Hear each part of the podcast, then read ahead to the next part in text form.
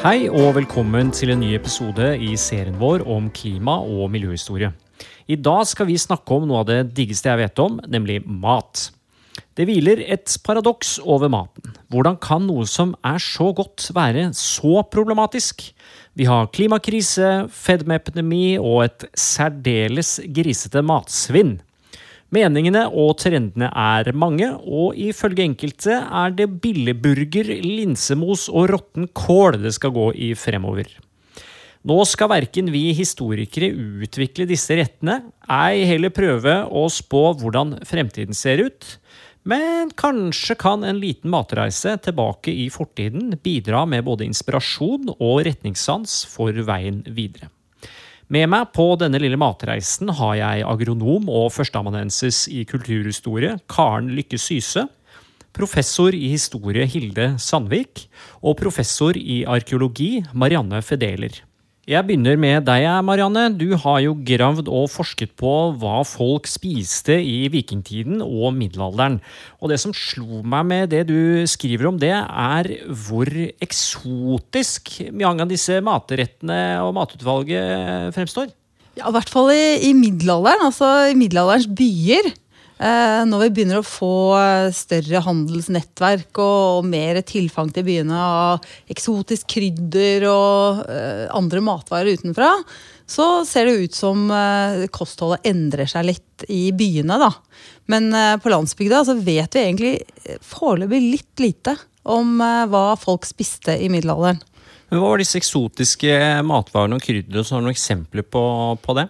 Ja, altså eh, Fra sånn 1200-tallet så begynner man å få inn til byene krydder som eh, pepper og safran og spisskummen, kanel. Eh, sånn type krydder som vi gjerne forbinder med jula nå, da. Eh, bare at da ble de brukt på helt andre måter. Sannsynligvis eh, som sauser til kjøtt og fisk, blant annet. Uh, og vi har en del, uh, vi har en del oppskrifter bevart faktisk fra 1300-tallet som viser hvordan rikfolk særlig da, brukte de, denne typen matvarer. Og du, du, har prøvd å lage noe av disse selv, stemmer det? Ja, ja, det stemmer. Jeg har prøvd å uh, lage flere av de rettene som vi har oppskrifter på. da. Eh, men det som er eh, litt problemet med de middelalderoppskriftene, det er at de sier ikke noe særlig om hvor mye av hver ingrediens man skal bruke. Så derfor så blir det en del eksperimentering. Og det er sannsynligvis fordi at disse oppskriftene ble laget eh, for profesjonelle kokker. Som i bunn og grunn visste hvordan de skulle sette sammen disse matvarene. Så vi, har få skriftlige kilder til hva liksom vanlige folk eh, spiste. Har vi noen arkeologiske kilder? noen, noen kunnskap der om, om, hva vanlige folk spiste i tidlig middelalder f.eks.? Ja, altså vi har eh, ganske mye eh, eksempler på matvarer som er funnet under utgravninger i, i særlig middelalderbyene. Eh, og både på bygda og i byene så brukte mange sånne klebersteinsgryter som gikk i stykker av og til. Og, og skårene, på skårene av dem så fins det matskorper som vi nå driver og analyserer. da, For å finne ut hva som faktisk ble, ble laget i disse grytene. Eh, og foreløpig så har vi fått noen forbausende resultater fra middelalderens Oslo. Eh, Eh, fra strøk hvor, eh, av byen hvor særlig skomakerne bodde, og det er jo hvermannsen, kan man si. Eh, og i de grytene da, så forventet jeg å finne den daglige grauten. Men uh, forbausende nok så var det uh, i mange av disse grytene en blanding av fisk og rødvin. Rødvin, faktisk. Ja. og det finner dere eh, så lenge etterpå? Eh, ja, med nye eh, kjemiske metoder så kan man finne ut det. Interessant. Hilde, vi spoler litt fram i tid her. 1700- og 1800-tallet. Eh, vi hørte jo her om alle disse flotte krydderne og sånn som allerede var her på middelalderen. Men eh, til forskjell fra da så er det litt lett å få inntrykk av at eh, Kari Ola Nordmann på 1700-tallet de spiser flatbrød og grøt, og det er det. Var det, var det så dårlig stil til seg? Ja, det stemmer det. Med sild i tillegg så har du kostholdet for de fleste. Men det er klart det for rikfolk så var det også sånn som eh, vi har hørt nå fra middelalderen. De kunne ha 20 retter til middag og den typen luksus. Og det er klart handelen gjorde at det var mange spennende nye ting som kom inn. Men hvis en skal se på, på en måte det som er grunnføden så er det graut, altså korn. Eh, Og det henger også sammen med at kvinner har dårlig tid i Norge. De har utrolig mye å gjøre. Så det å ha ei grautgryte som eh, du lager, det tror jeg også er en, en del av, eh, av forklaringa. Så lager en, så har en problem med å ta vare på ting. Så det å lage tørre ting, f.eks. flatbrød, som du har i store stabler, som du gjør da som ånder altså Kvinnearbeidet er også noe man gjør eh, for unna, som en ånd. Hardt arbeid. ikke sant? Og da har du det for eh, kanskje for et år, eller kanskje for et halvår av gangen, som du gjør det. Altså Du baker flatbrød en gang i året? Eller to ganger, kanskje. ganger. Ja, Stigre stabler. Da har du gjort unna den jobben. Så det å holde på med brød, sånn som vi tenker på det, som det heva brødet, det er noe som eh, er veldig lite vanlig. Det var mye vanligere på kontinentet, men her oppe så er det lite av den typen bakerovner. Ikke sant? Så kaku heter ofte brød på mange dialekter i Norge.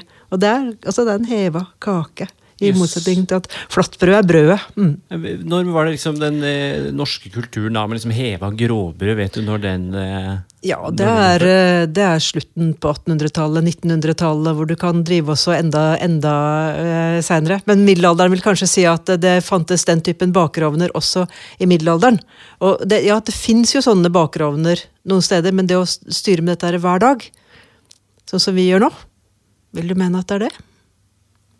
Uh, Du spør eh, meg, og da uh, vil jeg si at uh, det med syrnet brød, da, eller hevet brød, det har du fra middelalderen også. Både skriftlige kilder og, og eh, rester av brødvarer viser det. Men eh, å ha bakerovner hjemme, det var ikke vanlig. Så eh, man hadde felles eh, bakerovner hvor du kunne gå med deigen din, eller eventuelt liksom få, få kjøpt brød hos bakeren. Det, og, og det har nok ikke vært eh, det daglige brødet, det har vært mer festbrød. Ja, og da er vi igjen i by, ikke sant? og 90% av folk i Norge bor på landsbygda. Så, så igjen, hvis jeg snakker om det som er det vanlige, så er det det. Nei, Vi hadde bakerlaug i, Kristiania her i Oslo, f.eks. i byene også. De hadde, de hadde privileg på å bake brødet, og det var da det heva brødet. Men, eh, men hvis vi ser på landsbygda, så var det de der travle konene som drev med grauten, og lagde de stablene med flatbrød. Mm. Så, ja. Du nevnte sild her og sånn. eh, Og Norge er jo et, det er jo litt sånn spredt befolkning, og det er jo alltid tilgang på litt utmark. Og var, det ikke ute og plukka litt blåbær? Jo, jo. Altså, nå nå snakka jeg først om dette med, med det som er liksom eh, basisføden. Og det er helt klart at man har hatt eh, både kyr og sauer og altså alle mulige sånn husdyr. Og i tillegg har en jakta og fiska og, og brukt den maten også. Um, det man alltid skal huske på, er eh, slaktevekt på den tida. Altså Ei ku i dag har slaktevekt på nærmere 300 kilo. Den gangen var slaktevekta på ei ku 80 kilo. Mankehøyden var kanskje en meter. Så det er en helt annen type dyr vi snakker om. Um, og så, så igjen, basis har vært uh, kornproduktet. Og så har uh, det, det andre, og fettet, kommet i tillegg, da. Ei ku i dag mjølker 8000 liter. Den gangen kanskje noe så mye som ja, 500-800. Du kunne lage 15-30 kilo ost av det ei ku mjølka hele året hvis du bare brukte mjølka til ost og sånt, ikke ga noen ting til kalven. Så det er, eh, det er å skjønne forskjellen også i tilgangen på, på kjøtt og fett som er viktig. Mm. Karen? Ja, det var akkurat det at du kom inn på ost. At du nevnte det nå, for det tenker jeg vel kanskje at var en uh, veldig viktig ressurs. Eller uh, meieriprod ikke meieriproduktene, men uh, melkeproduktene. Um, Ja, og jeg kan, Der er det jo også viktig at kyrne de melka stort sett bare om sommeren. Fordi det var så hardt arbeid å samle inn vinter eller til fôret. Så derfor så, så er det en kort produksjonstid, og så lager en det en har da av smør og ost for å lagre. Og lagring også av korn eh, byr på store problemer, fordi det er så lett at det kommer mugg og sopp på det. Så det er vel liksom den største utfordringen egentlig i det samfunnet her, da. Flatbrød kunne vel ligge opptil 40 år, så vidt Det kunne ligge. ja. Og såpass, ja. Ja. Jeg nevnte jo matsvinn her eh, innledningsvis. Eh, Hvor mye flinkere var folk til å ta i bruk eh, hele dyr og ta vare på mata si, unngå matsvinn da kontra nå, Hille? Ja, Vi har jo da smalahoverd og syltelabber som gode eksempler på at klart man gjorde det. De ville ha blitt rett og slett De, de ville ha syntes vi var eh, så umoralske og forferdelige hvis de hadde fått sett noen av de eh, søppelkassene som står utenfor dagligvarebutikker i Norge i dag. At vi kaster sauelår, eh, at vi har eh, Ja, det er helt grusomme ting hva vi gjør i dag. Mm. Eh, Karen, du har jo skrevet mye om altså kjøtt- og slaktehistorien, holdt jeg på å si. Eh, Hvis du vil følge opp på dette med matsvinn og det å ta i bruk hele dyr og spise innvoll og lage blodpudding, og hvordan har disse tinga endra seg over åra? Det har jo endret seg på en sånn måte at vi spiser jo nesten ikke innmat lenger, f.eks. Eh, bortsett fra litt lever til leverpostei. Men eh, innmat, eh, det brukes ikke. Nå er det sånn at det viser seg at det er ikke alle steder i Norge man alltid har spist innmat, eller alle typer innmat. Det har variert veldig mye fra, fra sted til sted. sånn at noen steder så, så ble hjerne og lunger for eksempel kastet, mens andre steder så ble det sett på som, som grei mat. Så, så det er ikke noe sånn entydig svar med to streker under her. Men, eh, men det som er udiskutabelt, det er at man i mye, mye større grad brukte hele dyret enn det vi gjør i dag. Det var noen ting som var tabubelagte, eh, sånn som blod for eksempel, og blod fra visse dyr eh, var tabubelagte, men, men, men stort sett så var man flinkere til å bruke hele dyret. Og så har du jo ja, Jeg vet ikke om vi skal snakke om matsvinn i dag, men, men altså akkurat nå. Jo, jo, det kan du godt eh, si noe om for å sammenligne. Så her har vi en tid hvor folk spiste hjernen til eh, kua. Ja, Man kunne lage en sånn hjernegrøt, hvor man eh, blandet eh, mel og, og, og hjernemasse og lagde en slags eh, sånn ja, pølse ut av det. da. Ja, for det vet jeg ikke om jeg ville satt eh, tenna mine i dag. Nei, men hva med blod? Og blodpannekaker? Eh, Blodpudding? Jeg tror jeg aldri har smakt blodpudding. Nei. Nei? Har dere smakt blodpudding? Å ja. Og jeg har eh, servert Eller jeg har i barnehagen i Sofienbergparken um, på 1980-tallet serverte vi lungemos og blodpudding til eh, barna som var fra ett til tre år. Nettopp. Det var en eh, innmatsdel som var eh, veldig tabubelagt å spise, og det var det såkalte hjerteøret. Og dette har jeg vært borti noen veldig interessante kilder og, og sett på i det siste. Dette hjerteøret det ble kalt for Ulsbetaen, eller Odinsbetaen. Og det blir alltid skåret av og bare kastet til ravnene eller eh, noen andre i skogen. Så, så her ligger mytologien ganske tykt og, og presser på hva, hva det er man ser på som spiselig og uspiselig. For hjertet er jo egentlig bare en muskel som er kjøtt som eh, ja, smaker likt som vanlig kjøtt. Så de benyttet seg ikke av det til noen sånne eh, skumle ritualer. Man ser jo sånne filmer hvor liksom, hvis du spiser hjertet, så skulle det gi deg styrke og sånn. Det her var det rake motsetning. Uh, uh, man kunne drikke blod for å få styrke. Uh, det har jeg funnet i kildene. Så, eh, men men eh, også kunne man bite i kjøttet rett etter at dyret var eh, slaktet. eh, da, da fortsatt liksom, muskelen har litt sånn trekninger. Eh, det skulle være en veldig god kur mot, eh, eh, mot mørkeredsel. Eh, og, så hadde man noen, noen forestillinger om at man kunne få overført kraften fra dyret i seg ved å spise, ved å spise dyr eller drikke blod til, til dyret. Gjerne mens det fortsatt var i live. Så, så i, i kildematerialet og i spørrelistematerialet så, så blir det spurt om om man eh, drikker blodet ut av eh, såret mens det pumper ut av kroppen med øse eller, eller rett av skurden. Så det er ganske Ja, da er vi i Norge på 50-tallet, så Mm. Marianne?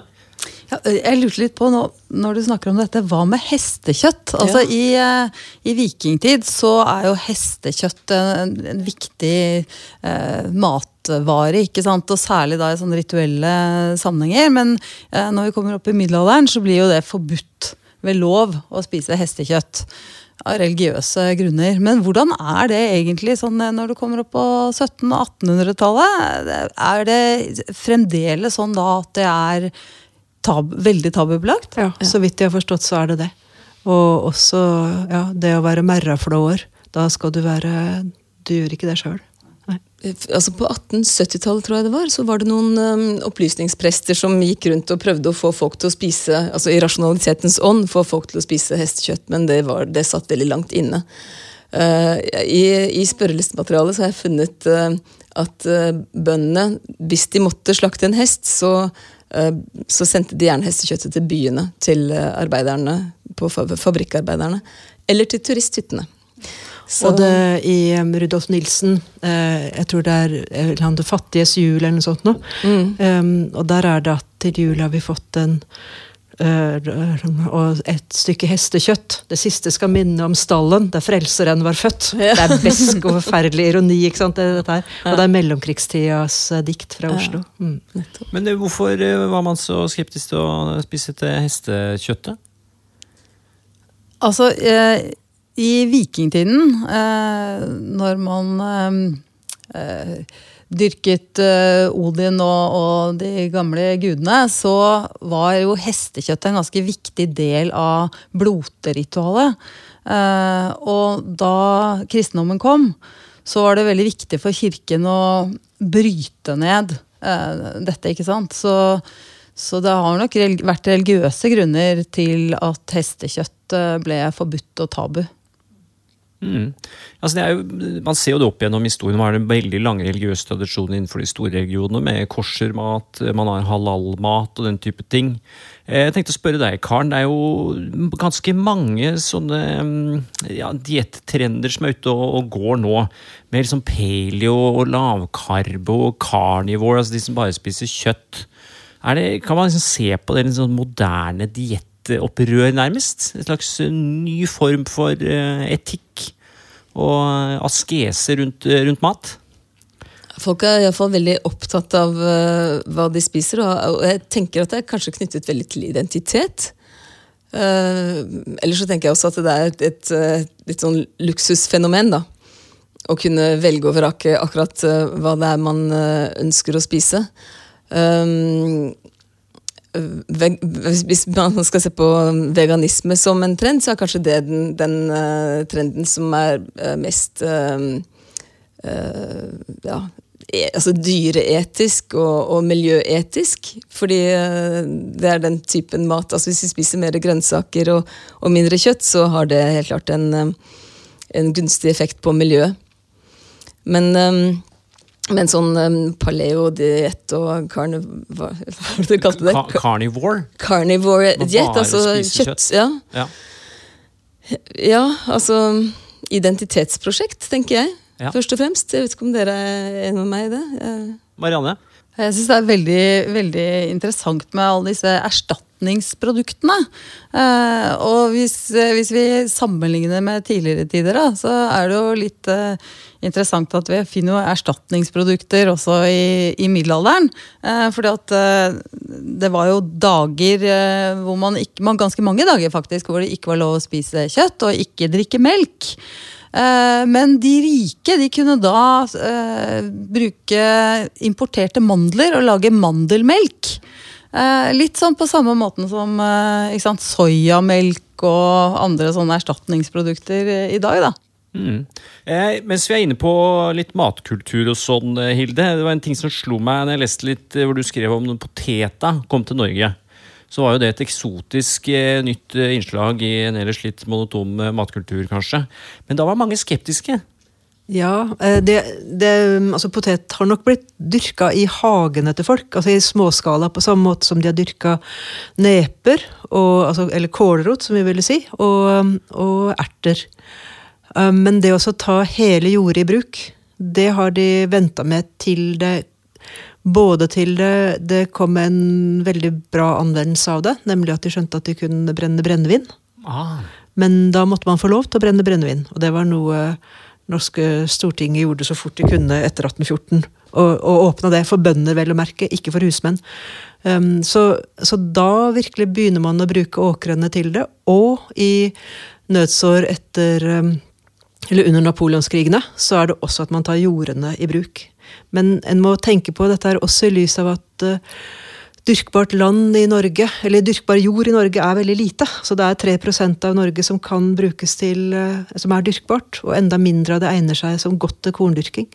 Så derfor så er det mm, det å velge å gjøre det, det tror jeg er, eh, er et stort skritt. Og så er det også det at du skal kunne lagre potet, og da må du finne en ny måte. Det nytter ikke å ha det eh, på samme måte som på stabburet. Du må ha det i jordkjellere, et eller annet som har en nokså jevn temperatur. Så man må også finne på en måte å lagre det. Mm. Men smaken, da, vet vi noe om det? Hva de, hva de syns om den noen, kontra vanlig korn? Ja, Noen skriver at det er bittert, mens korn vel blir sett på som søtt. Um, så det kan jo være en ting. Men, um, men, det er nok først og fremst at det er også uvant med arbeidet som er knytta til det å, å, å, ha, satse på poteter. På 1800-tallet så opplever Norge dels eh, meget sterk økonomisk eh, vekst. Altså på mm. Kom jo på, for alvor på begynnelsen av 1800-tallet i Norge. Ja, Eller slutten på 1700-tallet. Ja. ja. Mm. Og så ut utover 1800-tallet så får Norge betydelig økonomisk vekst. Mm. Og da begynner man å se mye altså at det, sånn, det som tidligere har vært luksusvarer, kaffe, tobakk, mm. sukker og sånn, begynner å bli mer mm. vanlig, gjør man ikke det? Jo, men de har også egentlig altså både Sukker og tobakk er i stor bruk på 1700-tallet. Altså de, siste, ja, de siste de, På slutten av 1700-tallet så importeres det tilsvarende én kilo tobakk per pers eh, per år i Norge, og tilsvarende for sukker. Og det er jo i europeisk sammenheng lite når det gjelder sukker, men det er ganske på høyden når det gjelder tobakk. Så en har vært tidlig ute med både tobakk og sukker, typisk avhengighetsskapende ting.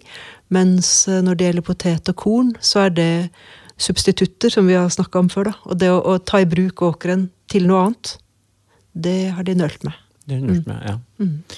Nei, for Det er jo lett å tenke seg som at uh, det moderne det er, det er, kun nå at vi handler maten vår. Ja. At nå går vi på Rema.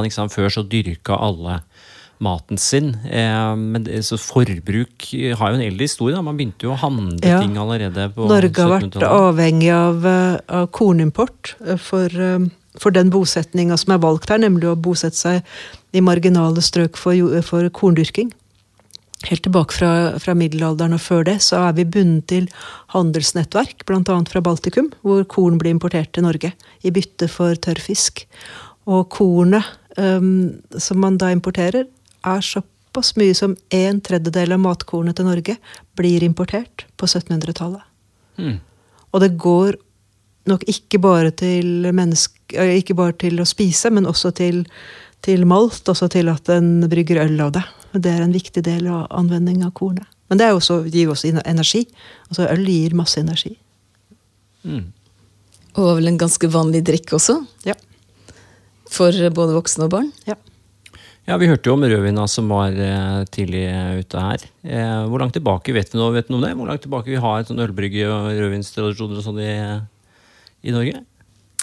Ølbrygging har man nok hatt ganske langt tilbake i tid, men, men det med rødvin det, Jeg var i hvert fall veldig forbauset da vi fant rester av rødvin i disse karene helt ned på 1100-tallet. Det, det, var veldig overraskende for meg, for, for det Tidligere så har man vel trodd at det var litt grann i vinimport når du kommer ut på høymiddelalderen, men, men at ikke det har vært vanlig, da.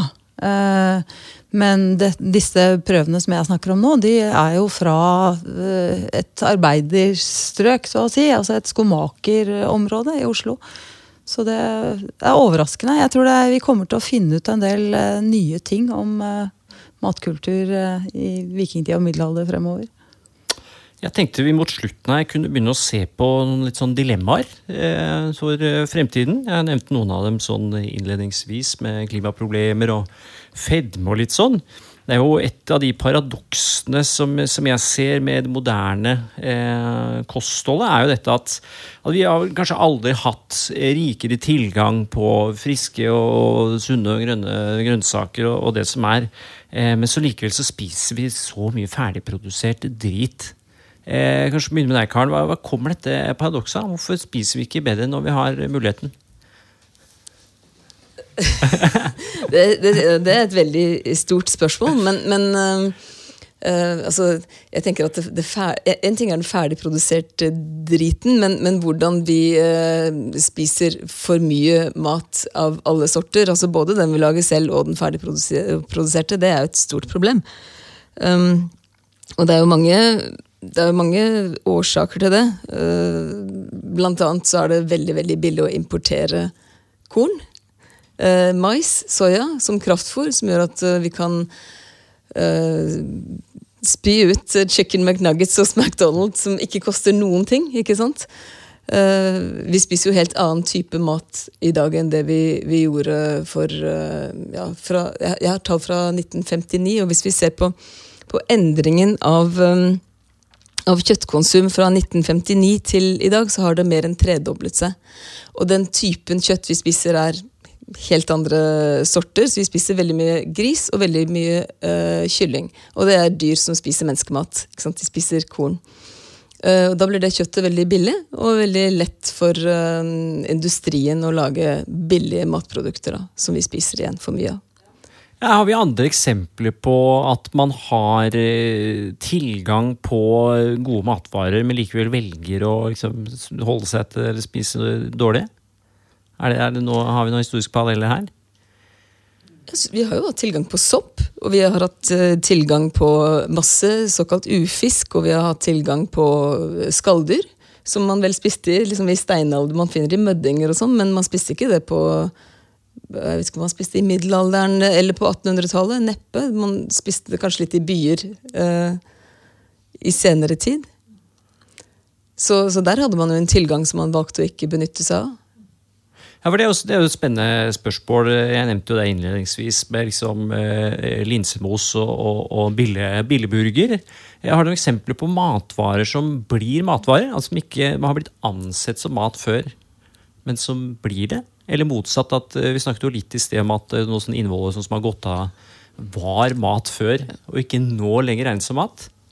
Ja, det er jo, eh, Du nevnte jo ufisk eh, i sted. Altså, det er jo eksempler på, på fiskeslag som i hvert fall sånn i, i noen regioner har vært eh, regnet som eh, ufisk og ikke menneskemat. eh, men som i dag er regna som, som god mat. Ikke sant? Makrell, for eksempel.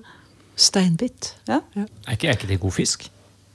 Nei, langs hele vestkysten så har man uh, skepsis til makrell. De spiser jo døde sjøfolk og andre ting. så visste du ikke det? Nei, hvis jeg er veldig glad i makrell. Ja, Men du er østlending. Ja. Ja. Nei, men jeg tenker En annen mat som vi kanskje ikke bruker, altså kvann. Som vokser vilt, og som var liksom noe av det søteste og fineste. Smaker en på en kvannstilk i dag, så syns en at det er litt bittert. Det er ikke søtt nok, på en måte. For som, ja, selleri, altså stangselleri er liksom det nærmeste. Og vi forventer en helt annen sånn smakspalett, hvis en skal si det på den måten. Så det også er liksom å øve opp smaken til å skjønne hvor, ja, hvor godt flatbrød med godt smør på er, f.eks.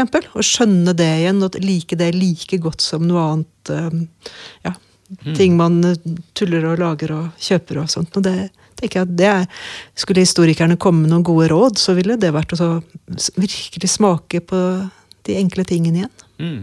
Mm. Og, og en annen ting jeg tenker på, er eh, det å skape litt større avstand mellom hverdag og fest, kanskje. Eh, altså, for det har jo sant, langt tilbake i tid vært viktig å skape en, en, en forskjell på hverdag og fest. Eh, at man spiser annen mat eh, til fest enn man gjør til hverdag. Så det, det skillet er vel litt i ferd med å viskes ut. Mm. Så det er jo også en eh, Hadde vært, gjort en forskjell, da. eh, også i forhold til kjøttforbruket, ikke sant. Eh, For hvis vi hadde i større grad forbeholdt eh, kjøttet til litt mer festlige anledninger, så hadde jo kjøttforbruket gått ned. Og det er jo ganske interessant eh, når jeg ser på de middelalderkildene vi har, da, så ser jeg jo det at eh, sånn som kylling, det har jo vært festmat. Eh, ikke sant? Det er jo noe hver og en av oss kjøper i butikken nesten hver dag nå. Mm. Så det 30-dobling av eh, kyllingproduksjon da, fra 1959 til i dag. Vi spiste gjennomsnittlig 3, kilo, nei, 3 millioner kilo i året i 59. Og i eh, Jeg må bare se på disse tallene her, fordi det, det, akkurat det syns jeg eh, er litt morsomt. 93 millioner kilo i dag. Så virkelig en, en ny type mat som er blitt hverdagsmat.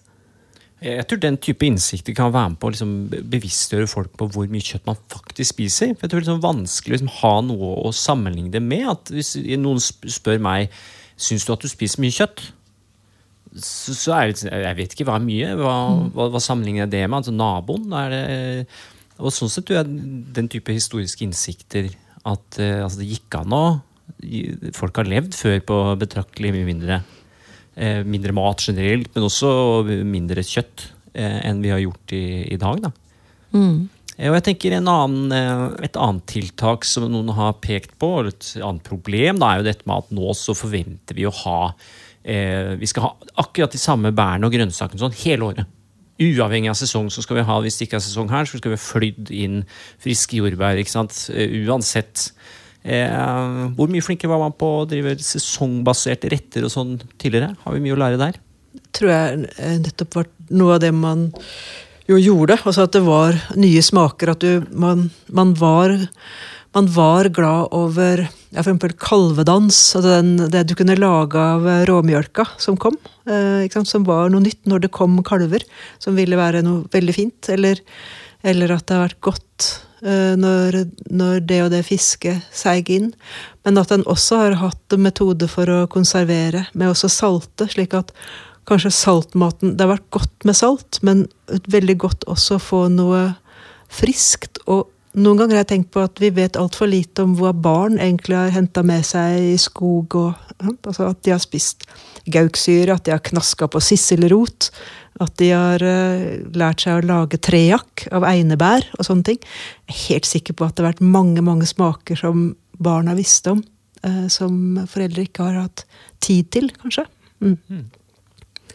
Jeg tror det med, med sesongmat uh, er det som på en måte kjennetegner maten før, og det som har gått fullstendig i oppløsning i det moderne. Fordi det, det er liksom det som er liksom, tegnet på, på, moderniteten. Det er uh, det at du kan få ting hele året. Du har ikke slaktetid lenger. Det slaktes dyr hele året. Uh, du har ikke noen tider av året hvor melken hvor kua melker, fordi melk får du hele året. Så, så det blir jo en, en ganske sånn monoton diett. Og i prinsippet så kan vi jo lære av historien uh, der og tenke at vi skal melde oss ut av moderniteten og det globale, men i prinsippet så tenker jeg at det kommer jo ikke til å skje. Vi kommer til å ha jordbær på bløtkaken og uh, jordbær fra Spania på bløtkaken til 17. mai, pyntet med også blåbær fra Peru. Altså, vi er blitt så vant til den tilgjengeligheten, ikke sant, så det vil jo, ja kanskje være politisk selvmord og si at nå skal vi ta fra dere alle importvarer. Men Senterpartiet prøvde. Altså De sa um, belgiske jordbær året rundt. Og det var ironisk ment, ikke sant? Ja, ja. nettopp. Uh, og de traff jo noen, men det var ikke alle som skjønte ironien i det. Mm. Ja, men jeg, jeg, tenker jo at en, en kombinasjon av, eh, av, litt mer sesongbasert tenkning og, og, en større bruk av uh, naturlige konserveringsmetoder, da, i tillegg til saltings og tørking og, og, fermentering, som vi har en kjempelang tradisjon for. Uh, en kombinasjon av de kunne jo hjelpe litt, i hvert fall. Selv om vi, du har helt sikkert rett i at vi ikke kommer til å være villige til å gi opp alle importproduktene. Og så la kyrne, eller ja, husdyra beite på utmarksbeiter i stedet for å hogge ned skogen i Brasil for å dyrke soya, som vi gjør dem altfor store feiter på, og som vi produserer altfor mye kjøtt med. Mm. Mm. Så noen av de norske tradisjonene kan faktisk være med på å løse noe av klimaproblemene? altså? Det er gode nyheter. Jeg har et siste spørsmål til dere.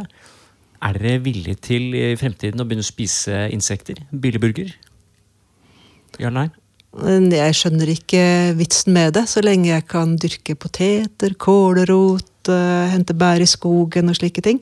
Så syns jeg det er uh, å gjøre noe annet enn enn det jeg tror jeg trenger. Ja, Karen, billeburger? billigburger? nei, jeg tror ikke jeg har lyst til å spise billigburger. da vil jeg heller ha linsestuing eller, eller noe annet med proteiner i.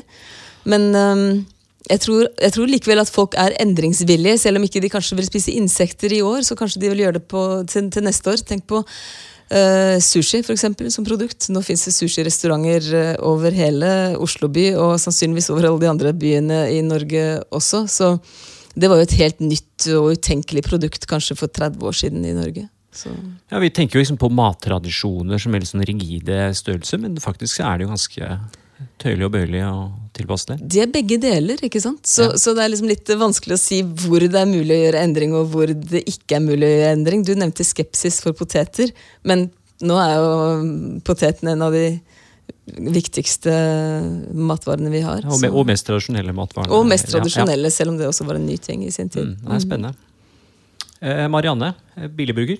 Altså, jeg skal innrømme at jeg har ikke turt å smake på det ennå, men, eh, men jeg skal kvinne meg opp til å prøve. Det er eh, godt å høre. Marianne Fedeler, Karen Lykke Syse, Hilde Sandvik, tusen takk til dere. Jeg heter Anders Breda. Ansvarlig for denne podkasten er Ellen Katrine Lund. I neste episode runder vi av denne serien med en idéhistorisk samtale om menneskets syn på naturen.